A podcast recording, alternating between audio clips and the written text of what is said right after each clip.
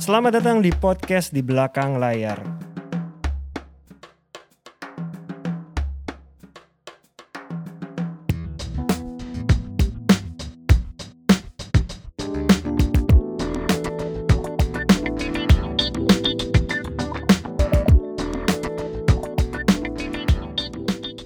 Halo teman-teman pendengar podcast di belakang layar. Hari ini masih bersama saya Dipa Andika dari HHH Corp dan partner setia saya Mas Sulung Landung. Dari Avatar 88. Episode kali ini kita ngundang seorang bintang tamu yang kalau nyebutin satu nama diva Indonesia ini Mas, diva muda ini. Iya.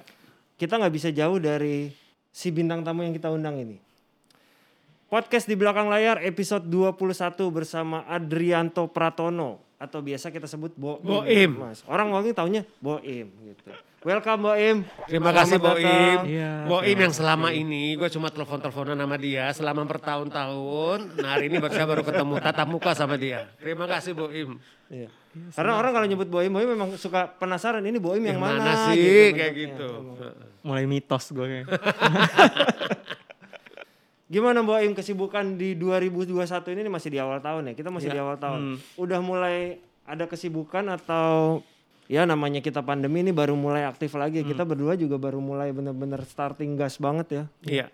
Betul. Kalau kalau gua sebagai manajernya ya ya ya, ya Raisa sih udah udah mulai sih, udah mulai karena memang ya pekerjaan-pekerjaan yang menyangkut sama brand udah harus diomongin karena bulan puasanya lebih Iya. maju lebih lebih cepat kan, datang lebih cepat gitu. Kalau yang berkaitan sama Juni ya masih di tahap perencanaan kali ya. Masih di tahap perencanaan, baru selesai Raker 2021 jadi baru pengen bergerak lah kayak gitu. Jadi buat teman-teman podcast di belakang layar, Boim ini adalah bisa dibilang bukan cuman manajernya Raisa Andriana ya, tapi benar-benar orang yang ngikutin dari awalnya Raisa lah ya. Udah, udah berapa tahun sama Raisa Boim? Mulai 2009 bro, 12 tahun ya? 12 tahun. 12 tahun. 12 tahun. 12 tahun bersama Raisa dan sekarang CEO dari Juni Record. Iya benar. Oke. Biasanya pendengar podcast di belakangnya penasaran gimana lu bisa sampai ke posisi sekarang atau gimana sih ketemunya Raisa? Apakah nggak sengaja ketemu Raisa atau tiba-tiba di kita tuh kan ada yang tiba-tiba ditawarin jadi manajer artis, tiba-tiba ketibanan nggak sengaja jadi manajer artis. Nah, lu gimana bisa ketemu dari yang gue tahu kan Raisa, gue pertama kali lihat Raisa 2000 berapa 10 atau 9 sih yang ada di YouTube tuh 10 kali ya? 10 ya. Mm, Jadi nyanyi serba salah awalnya kan benar, itu ya. iya benar. Nah, lu gimana Im awalnya? Jadi memang eh, Raisa nih masih di circle permainan gua kali ya. Mhm. Produsernya di album pertama Asta tuh temen main gua. Oke. Asta yang pertama offering lu mau nggak jadi manajernya si Aya gitu, si Raisa gitu. Astaran ya ini. Astaran benar. Jadi sekitar tahun 2009 gue kebetulan baru selesai kerja jadi wartawan. Tadi jadi wartawan di majalah Hai. Oke. Jadi wartawan di majalah Hai kurang lebih lima tahun. Terus gue kayaknya pengen ngejar mimpi nih. Oke. Mimpi gue Gua awalnya mikirnya gitu tuh. Dia ketemu Raisa pas lagi di wartawan majalah ya lagi belum. Mimpi belum lu ketemu. itu, mimpi lu itu pengen jadi manajer gitu? Enggak. Jadi mimpi apa? gue pokoknya jadi apa pun di musik. Oke. Oke. Udah ada garisnya paling Udah ada garisnya ya? jelas, Musik musik. ya, musik. Ya. Oke. Jadi apa pun di musik karena teman-teman angkatan gue udah mulai meniti karirnya nih. Lu kuliah apa, Im? Kalau boleh tahu. Kuliahnya komunikasi. Pas lah. nyambung lah. Nyambung. Hmm. Oke. Terus di era 2007 sampai 2009 gue mulai nyobain apa pun yang berkaitan sama musik nih. Pernah jadi fotografer buat ya kalau ada band yang butuh foto, Oke. gue pernah ikut. Gue berteman banget sama si vokalisnya Backbone kan, Andra the Oke. Backbone. Hmm. Oh, Kebetulan sesama majalah ya, kalian berdua ya. majalah Hai. Gue banyak ikut Backbone juga di era itu gitu. Belajar sama Mas Kruso dan segala macam. iya. Jadi memang ya udahlah, gue pengen masuk di musik. Entahlah dari mana, pokoknya gue masuk, gue harus masuk lebih dalam gitu. Nggak cuma nulis tentang musik gitu. Hmm. Sampai akhirnya, oh sebenarnya di 2006, fun fact-nya, gue pernah jadi manajernya Ladia Sheryl. Oh Gue tuh sempat baca tadi gue mau ini adalah dia Sheryl. Gue gue tuh nggak pernah tahu loh itu. Berapa lama lu jadi manajer Aldia Serial? Sampai 2009 kali ya. Oh, Itu tiga zaman tahun ya? zaman Tiga apa? 2006 itu dia Dia lagi ngerjain ADC film. udah jelas, yang jelas udah beres. Enggak, ya ADC udah beres. Lagi ngerjain film fiksi ya. Iya. Oke. Yang sama Nikola Saputra. Benar. gitu. Iya, Jadi iya. gua sebenarnya banyak belajar juga sama idealismenya Ladia dan Oke. segala macam. Ngurusin ya si Ladia ini kan dari 2006 sampai 2009 itu Hmm. gitu. Dan kebetulan di era itu kita sama-sama di Hai juga. Ladia juga sempat Iya benar. kerja di Sempat Hai. kerja di Hai. Benar. Udah Asta nawarin gua ketemu si Raisa di food court di Pacific Place. Hmm. Oke. and Eat ya kalau Eat nggak salah. Ha-ha. Dia waktu itu datang, gue nanya sama dia, lo ada pilihan lain? Nggak ada. Oh gitu. Lu tuh Terus? masih di Hai? Itu masih Nggak, gue udah nggak. Oh udah nggak di Hai. Udah nggak, udah nggak. Jadi yang bilang nggak ada pilihan lain itu siapa sih? Si Raisa. Oke, tapi Raisa kenapa dia bisa mengatakan tidak ada pilihan lain? Dia Padahal dia- cuma lu. Dia Iya. kayaknya mungkin belum kenal juga ya sama Padahal orang. Raisa, ya. Raisa tuh belum kenal lu dong. belum kenal ya? Belum, jadi gue kenal baru di hari itu. Oke. Sore Oke. itu, Asta, gua, Raisa, kalau nggak salah ada Handi juga produsernya Iya. album pertama. Itu menarik loh, Dip. Maksud gue gini, eh dulu pertama kali ketemu sama seorang talent, Iya. baru pertama kali ketemu, belum ketemu sebelumnya, walaupun lingkungan bergaulnya sama ya. Benar. Tapi si talent lu udah ngomong, gue maunya sama lu, karena gue gak ada pilihan lain, Iya. kayak gitu loh. Dan lu sendiri juga kan lu masih belum punya background sebagai manajer artis kan? Ya musik belum Ya ada. belum sama musik, sekali. maksudnya musik Mm-mm, belum ada, Belum ada. walaupun udah sempat megang Benar, talent juga benar, kan. benar. Iya, Jadi- betul. Jadi gua waktu itu bilang gini, ya udah kita sama-sama belajar ya. Jadi jawaban Hmm. lu langsung iya di hari itu. Ya karena menurut gue ini jalan gua buat masuk Ke Indo- Karena industri lu musik. Iya. ada impian lu itu. ya. Benar. Jadi ini adalah jalan dia masuk ke industri Iya. musik Hmm. yang memang dia impikan itu. Mm-mm. Gitu loh. Oke. Terus gua nanya, lu mau bikin lagu kayak gimana sih gitu? Lu mau bikin lagu buat diri lu sendiri, Hmm. buat memuaskan. Oh ya gue pengen punya album. Soalnya waktu itu kan dia begging ke Asta adalah kapan nih album gue dibuat? Atau lu memang pengen album lo ini didengerin lebih banyak orang? Begitu dia jawab, enggak gue pengennya album gue didengerin banyak orang. Gue bilang, oh ya udah, gue kayaknya bisa kok bantu lo kalau lu juga punya fighting spirit yang sama sama gua gitu. Oke. Gitu sih. Akhirnya lu Iya. mulai 2009 itu, Sembilan. lu album kedua berarti sama lu ya, Im? Enggak, itu masa pra album pertama. pra album pertama ya. Jadi sebenarnya albumnya udah disiapin tapi belum rilis ya. Bahkan belum disiapin. Bahkan belum disiapin tapi Jadi, udah ada rencananya. Mas. Benar. Oke. Udah ada rencana sama Asta baru sekedar rencana. Gue masuk ke situ buat supaya Nah, kebetulan lagi manajernya Ran sahabat gue juga. Oke, Vino. Heeh. Mm-mm, Vino. Buat begging Vino bagi jadwal Asta yang kosong ngerjain albumnya Raisa. Oke. Sebenarnya memang buat bridging-bridging aja gue di saat itu gitu. Terus ya udah mulai ngerjain album tuh bulan Januari 2010 Oke. ya udah mulai bergulir aja sih. Nah kebetulan juga gua orang yang suka baca, suka nonton, jadi banyak yang gua aplikasiin di Hmm.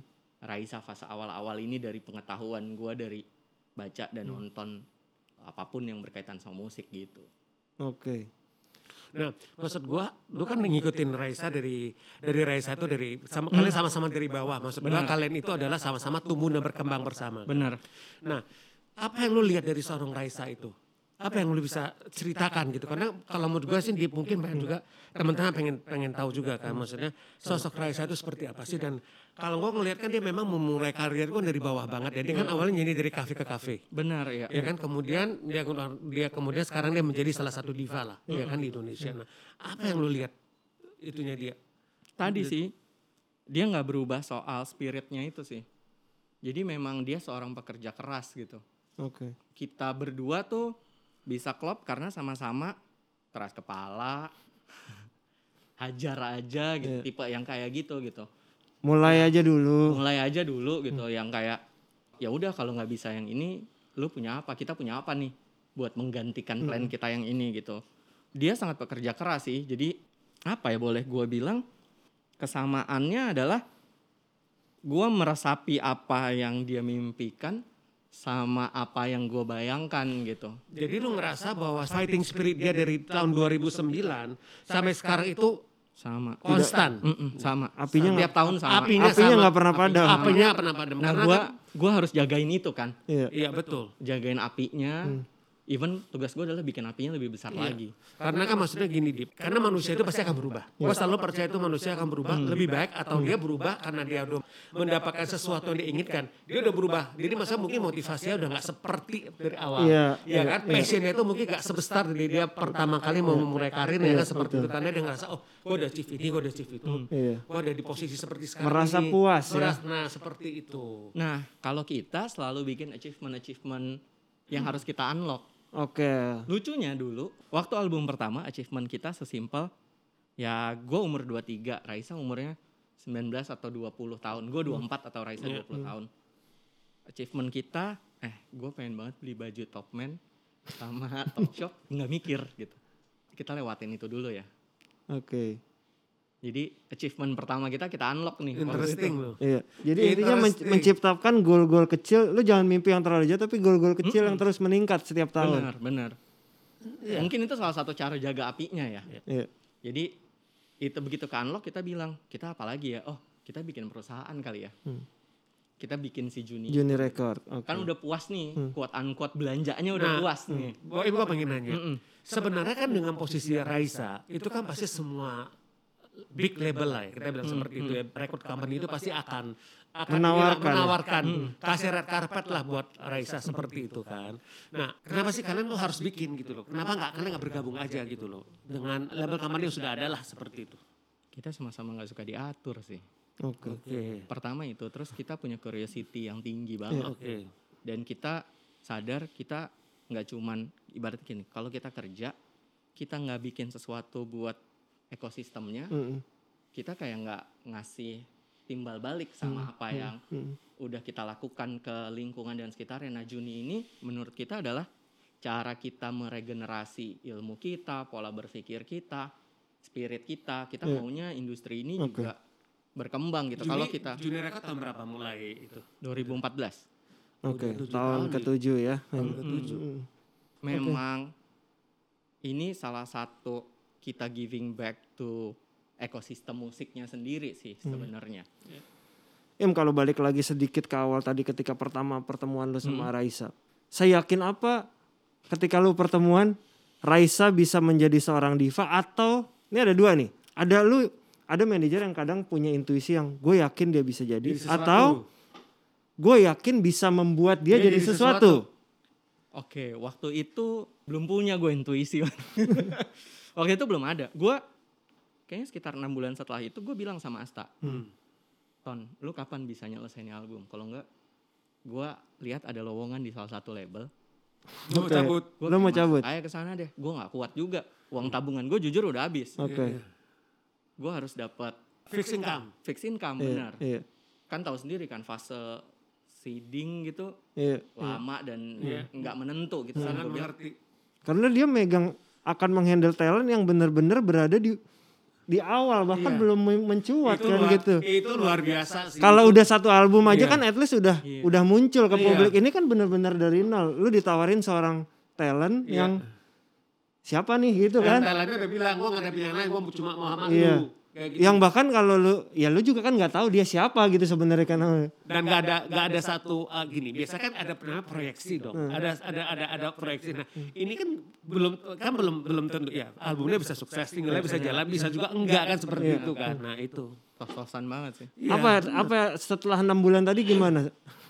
Setelah enam bulan, eh iya gue tapi mikir juga, wah tapi kalau gue sambi, gue nggak 100% nih. Sementara ini anak 100% gitu. Iya. Hmm. Jadi nggak imbang kan Iya. gue dan dia. Hmm. Eh, terus waktu itu ya karena masih tinggal sama orang tua, orang tua gue juga sempat nanya, lu kerja apaan sih? Gitu Iya. kan. sangat dimengerti Lu nggak mau kerja yang normal gitu kan. Iya. ini lo sambi aja terus gue bilang nggak deh kasih gue waktu dulu deh gitu kan Hmm.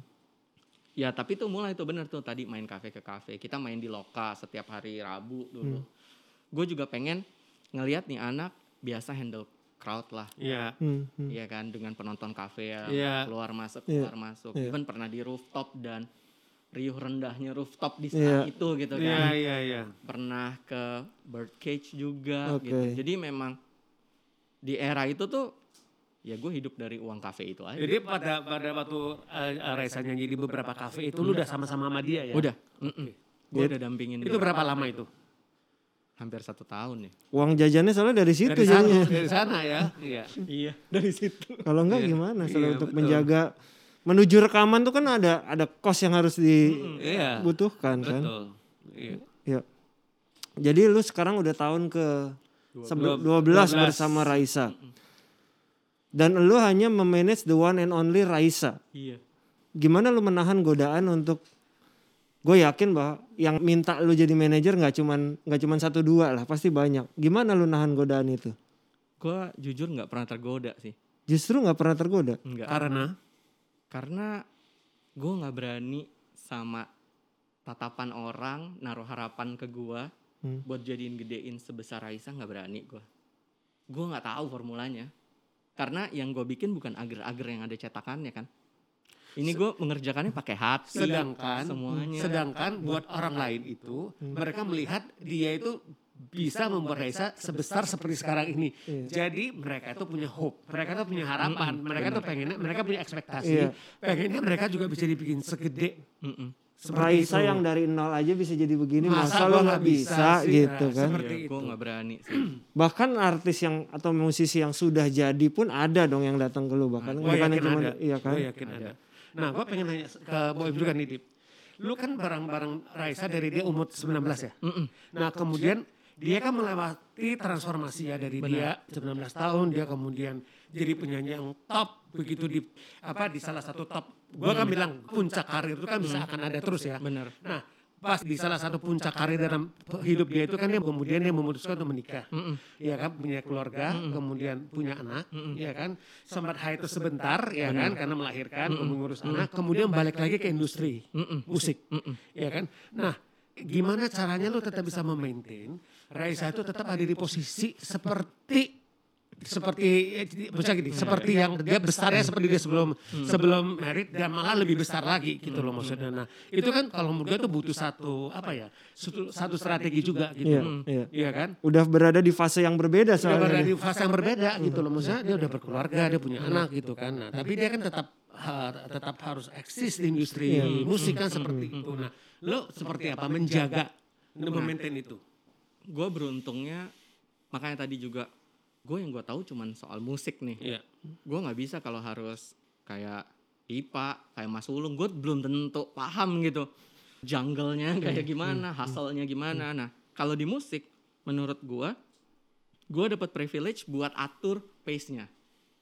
Gue tahun ini mau punya tiga lagu. Ayo gue bisa berekspektasi nih tiga lagu ini akan membawa gue ke mana sih? Hmm. atau bercerita tentang apa sih Nah itu yang gue coba lakukan gitu sambil kita juga tetap bikin Raisa nih relate sama pendengarnya. Paling gampang gini, gue nggak pernah dalam 12 tahun ini gue paling anti buat nolak-nolakin pensi, acara-acara kampus. Gak pernah nolak. nggak pernah nolakin Nah gue. Alasan apa? Karena gue investasi pendengar tuh di sana. Oke. oke Memang paling gampang gini ya, ya buka-bukaan aja. Harganya pasti berbeda Berbeda. jauh lebih Iya. murah, Iya. jauh lebih murah ketimbang gue main gathering, wedding, Iya. etc. etc. Iya, gitu. iya. Tapi nggak mungkin ini gue tinggalin karena gue ada di sana, gue bicara langsung sama pendengar gue gitu, pendengar orang yang hari-hari nonton YouTube lah. Gue pengen itu tetap berjalan gitu. Nah, begitu pandemik jujur sangat kehilangan sih interaksi itu yang nggak Iya, ada gitu. iya, iya. Kalau alhamdulillah Raisa sih tetap manggung virtual atau apa, tapi gue kehilangan cara gue, cara kita buat Berkomunikasi bicara. langsung. Benar. Paling itu yang kita lakukan. Kita pengennya tetap relate aja sih dan ya tadi privilege-nya adalah sebagai musisi kita bisa atur nih mau bikin apa sih kayak tadi Hmm. misalnya sebelum hiatus kita bikin konser aja gitu. Hmm, hmm. Biar apa? Biar orang inget nih. Iya. iya iya At least kalau kalau lu pengen pamit ya lu pamitnya nggak lewat pintu belakang, lewat pintu depan. iya Secara gentle kita ngomong kita pamit. Gua gitu. suka tuh kata-kata Iya. dia. Hmm. Lewat pintu depannya, lewat pintu belakang. Betul. Itu bagus tuh, gua suka tuh. iya Mm-mm, jadi memang ayo jabanin aja, bilang Hmm. aja kita pamit, nggak apa-apa. Orang juga akan nungguin kalau lu ngomong gentle gitu. Pas kita balik juga kita Iya. Karena jabanin. curiosity-nya tuh akan tinggi banget. Bener. Menurut gue. ketika balik ban dulu akan bilang juga gue Oh, balik balik Iya. gitu. Jadi memang ya udah kayak gitu aja apa adanya dan relate Iya. aja gitu. Gitu. oke setelah semua akhirnya lu mulai sibuk dengan Juni Record. Mm-mm. Kita sekarang masuk ke Juni Record. Di mana Juni Record ini ada Raisa juga sebenarnya kan. Benar, benar. Gimana peran lu dan Raisa di Juni Record sebenarnya? Gua, gua ini kan, maksud gua, gua tambahin dikit ya. Berarti di Juni Record itu Raisa kan nggak nggak cuma sebagai salah satu talent yang yang ada, Iya. ada di sana, Tapi tapi, dia salah satu founder juga Iya. kan. Benar, benar. Dia ikut ada di belakang layar juga. Iya. Iya, dia di belakang layar. Jadi foundernya dua orang, lu sama Raisa. iya. Oke. Sampai saat ini kita masih berdua. Oke. Kita masih alhamdulillah masih bisa survive. Mhm. Oke. Udah bulan ke mau bulan ke 11 atau 12 kali ya. Hmm. Masih bisa survive buat si Juni ini karena tadi setelah achievement-achievement kecil ini, Iya. Juni jadi achievement selanjutnya Iya, memang oke. kita harus usahakan Hmm. kita harus menghidupkan si Juni ini terus gitu kan. Jadi ya udah kita berusaha keras buat si Juni. Nah, si Yaya kalau di Juni ya jadi kayak apa ya? Mungkin penasihat nggak penasehat juga Hmm, sih, tapi mungkin lebih ke dia ngejagain gua juga buat lebih oh lebih wise lagi. Eh, ini lu lu serius nih dengan misalnya bikin konser GBK kemarin Hmm, gitu lu serius kita bisa menuhin GBK gitu. Lu serius kita nggak akan Hmm. buang energi, kita Iya. nggak akan mengecewakan fans kita gitu. Jadi ya kita tetap ngomong sebagai bisnis tuh bisnis sama dia. gitu. Iya. Iya. Oke. Oke. Berarti Raisa juga ikut di luar konser ya maksudnya di luar itu urusan Juni Record kan menghandle beberapa musisi juga gitu. Ikut ya. Dia ikut dalam proses kreativitas Enggak. dan lain-lain. At least tahu lah. Karena kita ada tim ANR juga kan artis dan Oke. aktor. Jadi dia dia nggak ikut campur lah. ya? Enggak, tapi pasti kita report. Sebagai kita. founder dia dikasih tahu lah. Iya, oke oke kita ada sign artis baru. Yang- Nah, Nah sekarang ada berapa yang di Juni? Juni Records. empat ya kalau nggak salah empat Empat atau ya. lima ya lupa gue juga lupa inget Oke. empat atau lima artis ya. Dengan kondisi udah jalan sekarang gini, apa plan lu sama Raisa ke depan ya? Yang ini gol tadi kan dia nyebut Iya. gol-gol terus. Gol apa yang lu yang Next bisa lu share next achievement yang bisa lu Next share? achievement. Sebenarnya ya kalau next achievement sebagai karirnya Raisa, Hmm. GBK masih jadi eh, yang harus kita tuju sih. Oke. Oke. Mungkin kurang wise kalau kita bicarakan sekarang. Gue juga belum Iya, tahu itu oke. mau kapan. Tapi menurut gue, soalnya unik banget ya. Hmm. Industri musik di Indonesia tuh sangat anomali gitu. Hmm. Cuman di Indonesia lah ada penyanyi sebulan bisa manggung lebih dari 12 kali gitu. Iya. Cuman dari satu negara keliling pulau-pulau Iya. negaranya gitu. Ya ada di Amerika tapi Hmm. buat negara kayak gini tuh itu sangat anomali. Nah, lebih anehnya lagi untuk bikin konser dengan tema sendiri dan di Stadion GBK cuman ada tiga nama setahu gua. Hmm. Slang, Kantata Takwa, sama Iwan Fals. Oke. Ternyata kenapa sih? Oh ternyata productionnya mahal.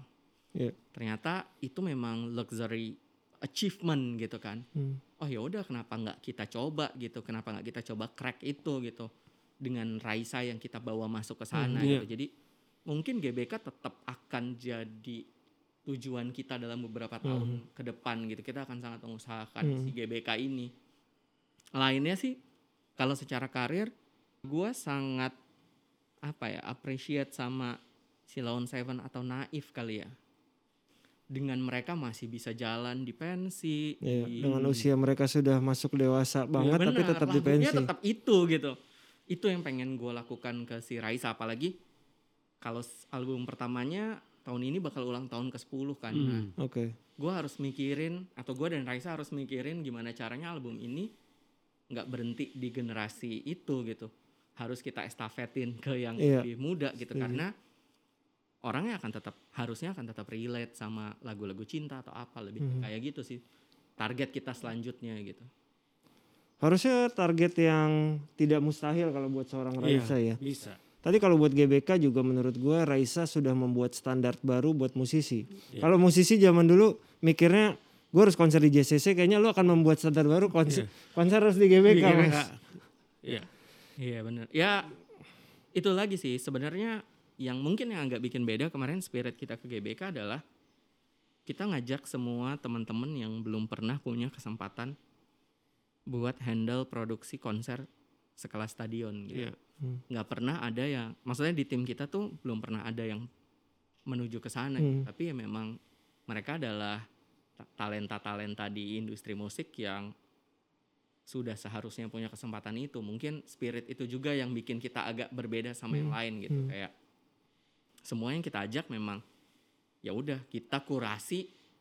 Even show directornya kalau harusnya kejadian kan kemotnya seringai kan. Oke. Iya. Iya. itu menurut gua kayak mind blowing juga gitu. Kayak kenapa ya kepikiran kemot gitu kan?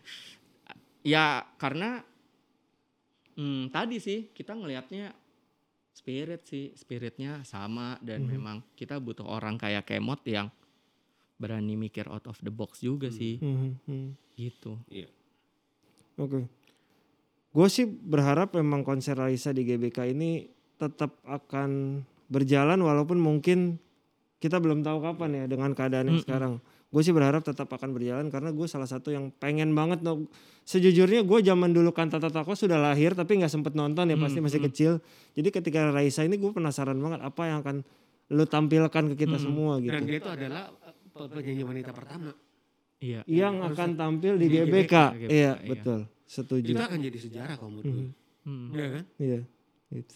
Harusnya sih kita optimis ya Mas. Bisa kejadian. Cuman memang kita harus bersabar ya. benar iya apinya itu tetap dijaga. Iya. iya benar Iya. benar Apinya tetap dijaga. Seperti itu. Ini ada salah satu yang gue bikin penasaran ya. Ini kita kehidupan pribadi lu ya. Kita kan nyebutnya Boim. Boim. Jadi sebenarnya nama panggilan Boim dari mana, Im? itu nama dari SMA sih Oke. Dan kebetulan kayak tadi gue bilang teman-teman gue semasa SMA banyak yang memilih berkarir di musik. Jadi alah udahlah gue udah udah nggak punya energi buat menangkal nama gue bukan Boim ya udahlah terserah lah pakai-pakai aja gitu. Oke. Oh ya gue kalau dipanggil nengok mau dipanggil nama asli ya sesuai KTP Lu atau sesuai juga. di rumah gue nengok juga gitu. Temen SMA lu udah manggil lu Boim tapi kan. Mm-mm, udah Tapi udah. Reza manggil lu Boim atau apa? Boim Boim. boim. Hmm. Iya juga manggil dia Boim. Orang tua lu manggil apa? Enggak lah manggil nama lah, manggil nama asli lah. Terus gini, kan kalian berdua itu kan tumbuh berkembang bersama-sama ya dari masing-masing muda lah ya, masing-masing muda kemudian masing-masing udah berkeluarga, masing-masing udah punya anak juga. Nah, itu ini gak sih? Maksudnya biasanya setelah talent itu sudah menikah, udah punya anak itu, lu ngerasa nggak? maksudnya eh, ya ya itu ada nggak? Misalkan Boim lu kalau mau telepon gue pokoknya gue cuma bisa sampai WhatsApp gue atau ini gue sampai jam 7 jam 8 malam aja habis itu gue angkat lagi gue nggak terima lagi. Kalau dulu sebelum menikah jam berapa aja pasti di ini nama dia kan? seperti itu. Ada nggak sih hal-hal seperti itu? Nah hubungan gue dan dia memang agak unik ya head and love relationship banget gitu. Gue biasa banget nggak dijawab telepon gue dua hari gitu sama dia. Atau gue chat dia cuman baca nggak bales. Kalau sekarang gue lebih memilih ke tim di kantor yang daily pegang dia. Lu cariin jadwal dong, gue pengen ketemu sama dia gitu. Jadi biar supaya gue menghormati juga dia dan keriuhannya dia gitu. Gue biasanya minta setup sama tim di kantor sih Oke. biar supaya ya udah secara profesional aja nih gitu Iya. gua bisa jadi founder sama founder atau manajer sama artis Iya, tapi dibantuin di setup gitu tapi kalau ngobrol sih sebenarnya kapan aja Anytime sih kan, anytime iya, masih anytime. Tapi gue juga nggak yang tahu lah tahu diri juga sih nggak ngerecok ngerecokin atau gimana gitu kali ya. Jadi gini, nah kalau gua tuh- itu yang bikin panjang sih sebenarnya. Jadi kalau menurut gua, ini juga satu, gua juga belajar karena di talent-talent gue juga termasuk talent juga sih. Pasti ada yang kita tumbuh berkembang bersama dari mereka masih muda, ya kan. Kemudian mereka menikah, mereka udah punya keluarga, punya anak. Jadi memang fase itu ada tuh. Fase itu memang kita lewatin bersama gitu loh. Kita lewatin lewatin bersama dan kalau menurut gua kalau memang udah ada chemistry, udah ada trust bagaimanapun juga itu kita akan tahu. Kalau memang harus ngomong-ngomong, iya Iya kan? Mau kapan aja kalau memang harus ngomong harus ngomong, Ngomong, karena apa? bener. Itu urgent, itu Bener, penting. bener. Tapi kalau enggak ya enggak. Jadi itu bisa kalau enggak bikin kerjasama itu bisa long lasting itu adalah kita menghargai privacy kamu gua satu ya kita menghargai privacy. Kita ada sama-sama distant juga gitu loh maksudnya mana yang buat kita itu kita memang harus masuk mana yang, oh ini enggak usah. Kita ngasih space ke mereka juga Iya, seperti itu. iya. bener gak sih? Buat cari teman-teman juga nih Setuju, sekalian. Setuju. Betul Benar sih. kan? Hmm. Tapi kalau lihat hubungannya Boim sama Raisa, ya, Reza lu kan bertem, ber, ya bekerja profesional ini kan dari awal ya. Biasanya orang yang bekerja dari awal berkarir, bahkan ini kan belum berkarir ke dunia musik sampai masuk sampai jadi diva sampai di Iya. posisi teratas. Kedekatannya biasanya nggak cuman profesional. Nah, gua nggak tahu. Lu sampai secara personal dekat sama Raisa atau ada orang yang kan nggak gue profesional aja gitu. Tapi dengan lu dari awal biasanya secara personal mau nggak mau lu akan gue. attach gitu. Itu udah attach. Ya, ya, ya gue ada bisnis yang gue ada bi- ada bisnis yang kita memang invest bareng ada Iya di luar kan? mu- di luar musik ada. Nah, Terus ya even gue sama anaknya ya mungkin ya sedekat itu juga ya kayak misalnya waktu itu kita ada ada kebutuhan harus kerja ke Amerika waktu yang pergi cuman gue anaknya sama dia bertiga Oke. dia masih umur 5 atau enam bulan ya itu aja bertiga aja berangkat. bertiga Oke. gue ya udah gue memang ya udah kalau itu kan udah slash banyak slash slash Iya. Udah bisa gantiin Hamis lah untuk sementara dia. apa gitu ya jadi ya memang kedekatannya Jadi begitu kalau menurut kali gue, ya. kalau menurut gue itu eh, Deep, Boim itu udah bagian dari hidup Raisa. Iya, itu Karena dia. apa? Karena kalau gue Raisa itu memang satu udah attach ya. Terus udah percaya banget makanya mereka bisa ada investasi barang juga bisa di luar musik kan seperti itu. Itu gak kalau menurut gue itu bukan satu hal yang mudah loh. Iya. Iya kan karena Hmm. she put trust to you kan kayak gitu. Dia tuh menaruh kepercayaan besar ke Boim karena dia berani juga mungkin udah ngomong sama Boim juga oke buat lu lu kan udah pelajarin aman nih. Ini bi- bisa menghasilkan sesuatu nih. Dia ikutan kan seperti itu. Bener sih. Ya, gue satu hal yang bisa gue tarik dari sini adalah sebenarnya kita pernah bahas juga mas. Ketika lu merekrut atau bekerja sama dengan seorang talent, lu nggak bisa ngambil bagian profesional doang. Karena lu akan membentuk sebuah keluarga baru yang otomatis bener secara personal ya lu akan masuk juga. Jadi lu akan terima paketnya yang ada di talent lu. Nggak bisa bagian profesionalnya doang atau gue cuma ngurusin kerjaan doang ya di luar kerja. Ya nggak mungkin, pasti lu akan satu paket kan. Itu di Indonesia seperti itu. di Indonesia Kita harus menerima itu. Iya, betul. Kita harus menerima suka nggak suka kita harus menerima itu. Talent lu, talent lu adalah keluarga lu juga. Iya. Ini adalah keluarga kedua lu. adalah keluarga lu juga benar. Benar, gue setuju banget itu. ya memang banyak anomalinya ya di sini Iya, banyak banget ya nggak bisa aturan baku kayak atau role baku kayak di luar atau Iya. gimana ya, ya. Iya. bedanya di sana Boim, ini buat teman-teman podcast di belakang layar yang denger. Yang misalnya pengen jadi manajer artis. Hmm. Ketemu posisi kayak lu ketemu di pertama kali di It and It tadi. Iya. Pasti belum ada perasaan yakin apa pun lah ya. Hmm. Gimana lu memberikan pandangan buat teman-teman ini? Udah coba aja atau kalau lu nggak yakin jangan diambil. Tips, apa bukan Tips, eh, apa ya? Eh, ini saran atau misalnya saran apa yang lu, lu, lu berikan kepada Karena banyak banget teman-teman yang ketemu di posisi ya baru pertama kali kayak gitu kan. Iya. Manajerin gue dong. Iya. Atau mereka sama-sama, gue punya project ini, lu bisa jadi partner gue nggak? Iya. Hmm. Kalau gua mungkin mulai dari diri lo sendiri juga ya. Hmm. Gua gua gi- gua gua membekali diri gua dengan tadi gua kerja di panggung tuh udah apa aja gua lakuin gitu. Hmm. Hmm. Dari road manager, motret ya pernah, Hmm. nyupirin siapa ke Bandung, balik lagi ya Sudah gua pernah. ayo aja Hmm, gitu ya. kan. Hmm. Jadi gua merasapi eh gue punya bekal itu gitu. Mungkin menurut gua lu bekalin diri lo dulu kali ya. Hmm. buat buat lo mengenal diri lo lalu lo akan mengenal talent lo jangan sampai talent lo lo kasih harapan kosong aja gitu Hmm. karena tanpa lo mengenal diri lo menurut gua susah juga buat kita berkembang gitu Hmm. karena di sini kan semua terkoneksi kita Oke. iya kan semua terkoneksi kita nggak bisa kerja secara individual gitu Hmm. kita kerja pasti berhubungan sama orang lain Hmm.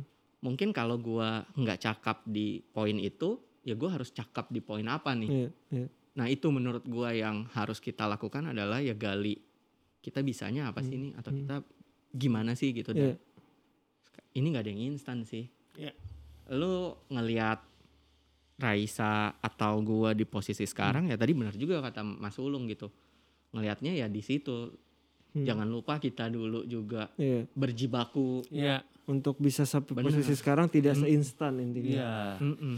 Ya mungkin alam bawah sadar Boim juga udah bilang bahwa dari awal memang gua mau bekerja di dunia musik. Iya. Jadi Iya. ketika ketemu sesuatu yang mungkin belum yakin dia tapi punya keyakinan intuisi sebenarnya yang lu nggak sadar mungkin Hmm. bahwa gue bisa berkembang bareng sama orang ini Intuisi dia sama mengar- Raisa yang mengarahkan dia itu iya sebenarnya. mengarahkan Hmm, lo betul. jadi mungkin buat teman-teman juga sama ketika lu sudah tahu diri lu dan lu punya keyakinan yang keinginan itu ya lu jalanin ya Nah, gua menyambung di Pak ngomong juga. Lu kan udah 12 tahun ya di industri musik lah ya sebagai manajer artis, kemudian sebagai founder dari Junior Records gitu. Nah, pembelajaran apa sih yang lu dapatkan selama 12 tahun di industri ini? kita nggak bisa tadi sih nggak bisa gampang puas sih di sini. Ini super challenging gitu. Selalu ada artis baru datang, talent baru datang, musik baru datang gitu. Nggak bisa lu ngerasa dari 0 ke 100% tuh sekarang makin cepat gitu. Di- Dari 100% ke 0 lebih cepat lagi. Iya, gitu. iya. Jadi memang harus terus belajar sih. Belajar. Paling gampang dengerin podcast lah sekarang. Gue dengerin podcast kalian tuh kayak merefleksi gue, eh gue udah bener belum ya gitu kan. Karena penting juga kan buat tahu ada apa sih di scope si manajer ini gitu kan. Menurut gue itu sih buat lu harus buka mata, buka telinga, semuanya tetap harus begitu gitu. Jangan nggak bisa puas-puas Hmm. petantang petenteng gitu menurut gue enggak sih. Memang harus kerja keras terus. Oke. Oke. Iya. Tidak cepat puas, tidak ada yang instan. Iya, itu. Jadi semua lu harus kerja keras dari bawah. Kalau lu ngelihat posisi Boim dan Raisa sekarang, tidak ada yang terjadi secara instan. Itu berkat kerja keras Boim dan Raisa iya, juga. Tuh. Iya. Boim terima kasih untuk Terima kasih waktunya. sangat juga. Eh, kita happy banget bisa ada Boim di sini sharing mengenai Raisa dan kehidupan lu sampai di posisi sekarang. Belajar banyak sih. Semoga kita bisa bekerja sama bareng juga Amin, saat amin, mungkin amin, juga. semoga ya. Amin. Ya. Sehat-sehat, salam buat Raisa. Iya, sehat-sehat juga buat Mas Ulung sama Dipa. Siap. Terima kasih. sudah Thank you. Bidang tamu. Terima kasih buat Gala Event Management, buat studio ruangan kita yang selalu setiap minggu menemaninya, Mas Sulung. Iya. Terima kasih buat Terima Didi. kasih banyak ke Live Management. Terima kasih buat Didi, terima kasih buat Sesa istri saya yang sudah menemani. Ya, Sesa saya, selalu saya sebutin loh. loh. Setiap kali tapping Sesa selalu ada loh. Luar biasa, Sa. Dan terima kasih Mas Eka di audio. Terima kasih buat teman-teman pendengar podcast di belakang layar. Kita akan ketemu lagi di episode berikutnya. Dengan Episode 22 ya. Di. 22. Oke. Siap. Terima kasih. Terima kasih semuanya. Sehat selalu.